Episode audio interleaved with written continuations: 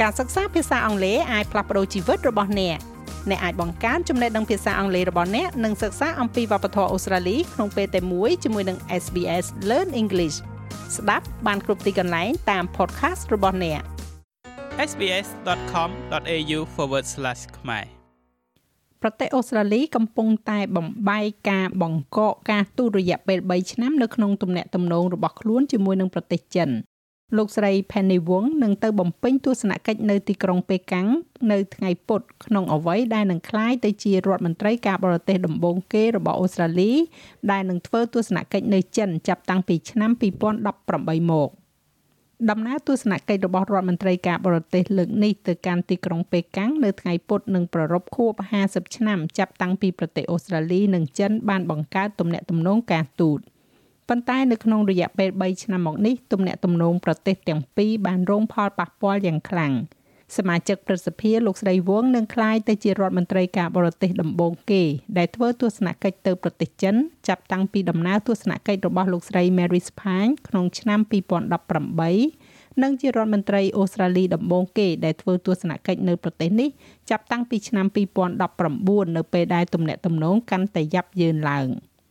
ប្រទេសចិនបានដាក់ទណ្ឌកម្មពាណិជ្ជកម្មដ៏តឹងរឹងជាបន្តបន្ទាប់មកលើប្រទេសអូស្ត្រាលីបន្ទាប់ពីដំណើរទស្សនកិច្ចរបស់រដ្ឋមន្ត្រីពាណិជ្ជកម្មកាលពីជំនាន់នោះគឺលោក Simon Birmingham នៅក្នុងនាមជាអ្នកនាំពាក្យរដ្ឋមន្ត្រីការបរទេសបច្ចុប្បន្នរបស់គណៈបកប្រឆាំងសមាជិកព្រឹទ្ធសភាលោក Birmingham ស្វាគមន៍ចំពោះដំណើរទស្សនកិច្ចលើកនេះ។ វាគឺជាដំណើរដ៏សមស្របមួយដែលត្រូវធ្វើឡើងដើម្បីទទួលស្គាល់ខួបលើកទី50ឆ្នាំនៅក្នុងការស្វែងរកការជំរុញកិច្ចសហប្រតិបត្តិការលើវិស័យដែលមានផលប្រយោជន៍ទៅវិញទៅមកប៉ុន្តែក៏សំខាន់ផងដែរដើម្បីព្យាយាមជំរុញការដោះស្រាយនៅបញ្ហាលំបាកជាច្រើនដែលមានតាក់ទងទៅនឹងទំនាក់ទំនងអូស្ត្រាលីចិននាពេលបច្ចុប្បន្ននេះ។ នៅក្នុងសេចក្តីថ្លែងការណ៍រួមមួយជាមួយនឹងលោកនាយករដ្ឋមន្ត្រី Anthony Albanese លោកស្រីវងបាននិយាយថាអូស្ត្រាលីស្វែងរកទំនាក់ទំនងដែលមានស្ថិរភាពជាមួយនឹងប្រទេសចិនហើយនឹងមានកិច្ចសហការនៅកន្លែងដែលអាចថាមិនយល់ស្របនិងចូលរួមនៅក្នុងផលប្រយោជន៍ជាតិ។ ក្នុងនាមជាដៃគូពាណិជ្ជកម្មដ៏ធំបំផុតរបស់អូស្ត្រាលីដំណើរទស្សនកិច្ចរបស់សមាជិកព្រឹទ្ធសភាលោកស្រីវងនឹងនិយាយអំពីដំណើរឆ្ពោះទៅរកការដកទណ្ឌកម្មពាណិជ្ជកម្មដែលដាក់ដោយប្រទេសចិនចាប់តាំងពីឆ្នាំ2020មកទាំងនេះរួមបញ្ចូលទាំងពន្ធលើស្រូវសាលីស្រាសាច់គោគ្រឿងសមុទ្រនិងធ្យូងថ្ម លោកសមាជិកប្រសិទ្ធិ Birmingham មានប្រសាសន៍ថានេះគ្រាន់តែជាបញ្ហាសំខាន់សំខាន់មួយចំនួនដែលត្រូវតែលើកឡើងនៅក្នុងកិច្ចពិភាក្សា The test of these talks will be where the trade sanctions are lifted ការសាកល្បងនៃកិច្ចពិភាក្សាទាំងនេះនឹងពិភាក្សាអំពីការដកទណ្ឌកម្មពាណិជ្ជកម្មការវិវត្តសម្រាប់ការដោះលែងជនជាតិអូស្ត្រាលីដែលកំពុងតែជាប់ឃុំ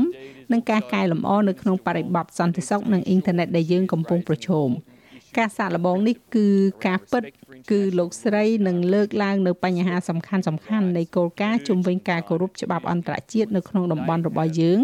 ការគោរពសិទ្ធិមនុស្សនិងជំរុញឲ្យប្រទេសចិនប្រើប្រាស់ឥទ្ធិពលដែលខ្លួនមានមកលើប្រទេសរុស្ស៊ីដើម្បីបញ្ចប់ការឈ្លានពានដ៏អយុត្តិធម៌ខុសច្បាប់និងគ្មានសិលធម៌មកលើអ៊ុយក្រែន។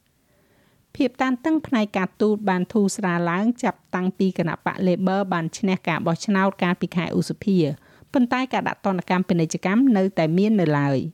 លោកនាយករដ្ឋមន្ត្រី Anthony Albanese បានបង្កើនកិច្ចខំប្រឹងប្រែងការទូតក្នុងជំនួបតទល់មុខគ្នានាពេលថ្មីៗនេះជាមួយនឹងប្រធានាធិបតីចិនលោកស៊ីជីងពីងនៅក្នុងកិច្ចប្រជុំកំពូល G20 ក្នុងខែវិច្ឆិកា។ វាគឺជាជំនួបលើកដំបូងរវាងថ្នាក់ដឹកនាំប្រទេសទាំងពីរចាប់តាំងពីឆ្នាំ2016មកកិច្ចប្រជុំរបស់លោកស្រីវងជាមួយនឹងសមាភិកីចិនគឺរដ្ឋមន្ត្រីការបរទេសចិនលោកវ៉ាងអ៊ីនៅឯមហាសន្និបាតអង្គការសហប្រជាជាតិកាលពីខែកញ្ញាក៏បានបង្ហាញសញ្ញា អំពីការប៉ុនប៉ងដើម្បីជួសជុលទំនាក់ទំនងនេះអ្នកជំនាញខាងទំនាក់ទំនងអូស្ត្រាលីចិនលោកស្រី Jennifer Su នៃវិទ្យាស្ថាន Lowy មានប្រសាសន៍ថាលទ្ធផលជាក់ស្ដែងមិនអាចធានាបានទេបន្ទាប់ពីកិច្ចប្រជុំនេះប៉ុន្តែលោកស្រីថាដំណើរទស្សនកិច្ចនេះគឺជាជំហានមួយនៅក្នុងទិសដៅត្រឹមត្រូវ I'm sure for both sides uh for both Australia and China ខ្ញុំប្រកាសនៅក្នុងចិត្តថាសម្រាប់ភាគីទាំងសងខាងទាំងអូស្ត្រាលីនិងចិនពួកគេមិនចង់ធ្វើឲ្យប៉ះពាល់ដល់ផលប្រយោជន៍ដែលអាចកើតមានចំពោះការផ្សាយជាសាធារណៈនោះទេដូច្នេះខ្ញុំគិតថារឿងជាច្រើននឹងកើតឡើងនៅពីក្រោយឆាក ប៉ុន្តែខ្ញុំពិតជាគិតថាដំណើរទស្សនកិច្ចថ្នាក់រដ្ឋមន្ត្រីកម្រិតខ្ពស់នេះបង្ហាញថាវាកំណត់នៅរាល់រឿងរ៉ាវដែលត្រូវកើតឡើងជាឧទាហរណ៍សម្រាប់អ្នកដែលត្រូវជាប់ឃុំត្រូវបានដោះលែងឬក៏វិធានការពាណិជ្ជកម្មត្រូវបានបន្ធូរបន្ថយនៅពេលនិយាយអំពីផលប្រយោជន៍របស់រដ្ឋាភិបាលទីក្រុងប៉េកាំងលោកស្រីស៊ូជឿជាក់ថាបក Labor បានបង្ហាញពីវិធីសាស្ត្រដែលអំណោយផលជាង The language that we heard uh, under the previous government ភាសាដែលយើងបានឮនៅក្រោមរដ្ឋាភិបាលមុនច្បាស់ជាមិនស្របនឹងរដ្ឋាភិបាលទីក្រុងប៉េកាំងឬក៏អ្នកដែលមានអំណាចនៅក្នុងទីក្រុងប៉េកាំងនោះទេដូច្នេះរដ្ឋាភិបាលប៉ា Labor បានបង្ហាញថាខ្លួនបានផ្លាស់ប្ដូរសម្លេងនិងភាសាជុំវិញបញ្ហាតាក់ទងនឹងទំនាក់ទំនងអូស្ត្រាលីចិន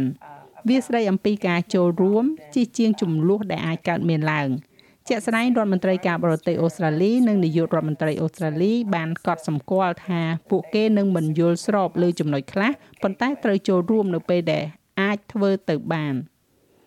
ការចូលរួមការទូតក៏អាចផ្ដល់ផលប្រយោជន៍ដល់ប្រទេសចិនផងដែរជាពិសេសនៅពេលដែលនិយាយអំពីការដាក់ទណ្ឌកម្មពាណិជ្ជកម្មនាពេលបច្ចុប្បន្ន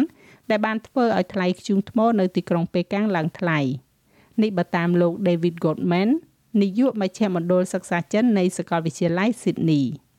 I do think that China is considering ខ្ញុំគិតថាប្រទេសចិនកំពុងពិចារណាលើការដកចេញឬក៏ធ្វើការផ្លាស់ប្ដូរខ្លះដើម្បីធ្វើឲ្យអ្វីអ្វីកាន់តែងាយស្រួលពីព្រោះពួកគេចង់ដាក់ឲ្យទំនាក់ទំនងសេដ្ឋកិច្ចយ៉ាងហោចណាស់ស្ថិតនៅក្នុងកម្រិតស្តង់ដារមួយក្នុងទិសដៅទាំងពីរក្នុងកម្រិតខ្លះវាបានធ្វើឲ្យចិនរងការឈឺចាប់នៅក្នុងការដាក់ទណ្ឌកម្មទាំងនេះដែលពួកគេបានដាក់មកលើពាណិជ្ជកម្មជាមួយនឹងប្រទេសអូស្ត្រាលី។ លោកសាស្ត្រាចារ្យ Goodman ជឿជាក់ថាវិធីសាស្ត្រថ្មីរបស់អូស្ត្រាលីនឹងជួយពង្រឹងទំនាក់ទំនងរវាងប្រទេសទាំងពីរ You need to have mutual respect and understanding អ្នកត្រូវមានការគោរពនិងយោគយល់គ្នាទៅវិញទៅមកអំពីវិធីដែលប្រព័ន្ធនយោបាយរបស់អ្នកដទៃដំណើរការខ្ញុំមិនទទួលបាននៅអារម្មណ៍នេះនៅពេលដែលក្រមប្រឆាំងឬរដ្ឋាភិបាលដែលថាពួកគេបានមានការគោរពជាខ្លាំងចំពោះប្រទេសចិនឬរបៀបដែលប្រព័ន្ធរបស់ពួកគេដំណើរការនោះទេ វាគឺខុសពីយើងប្រសិនបើយើងចាប់ផ្ដើមឈប់តាក់ទងជាមួយនឹងមនុស្សទាំងអស់ដែលយើងមិនយល់ស្របលើចំណុចជាក់លាក់នៃគោលនយោបាយរបស់ពួកគេនោះយើងនឹងឯកោខ្លាំងណាស់សូមបញ្ជាក់ថាដំណើរទស្សនកិច្ចរបស់រដ្ឋមន្ត្រីការបរទេសអូស្ត្រាលីលើកនេះនឹងជាកិច្ចសន្ទនាការបរទេសនិងយុទ្ធសាស្ត្រអូស្ត្រាលីចិនលើកទី6ដែលត្រូវបានធ្វើឡើងចុងក្រោយបំផុតនៅក្នុងឆ្នាំ2018 របាយការណ៍នេះចងក្រងឡើងដោយ Katriona Stewart និង Sarah Thomska សម្រាប់ SBS News ហើយប្រាយសម្រួលសម្រាប់ការផ្សាយរបស់ SBS ខ្មែរដោយនាងខ្ញុំហៃសុផារ៉ានីចុច like share comment និង follow SBS ខ្មែរនៅលើ Facebook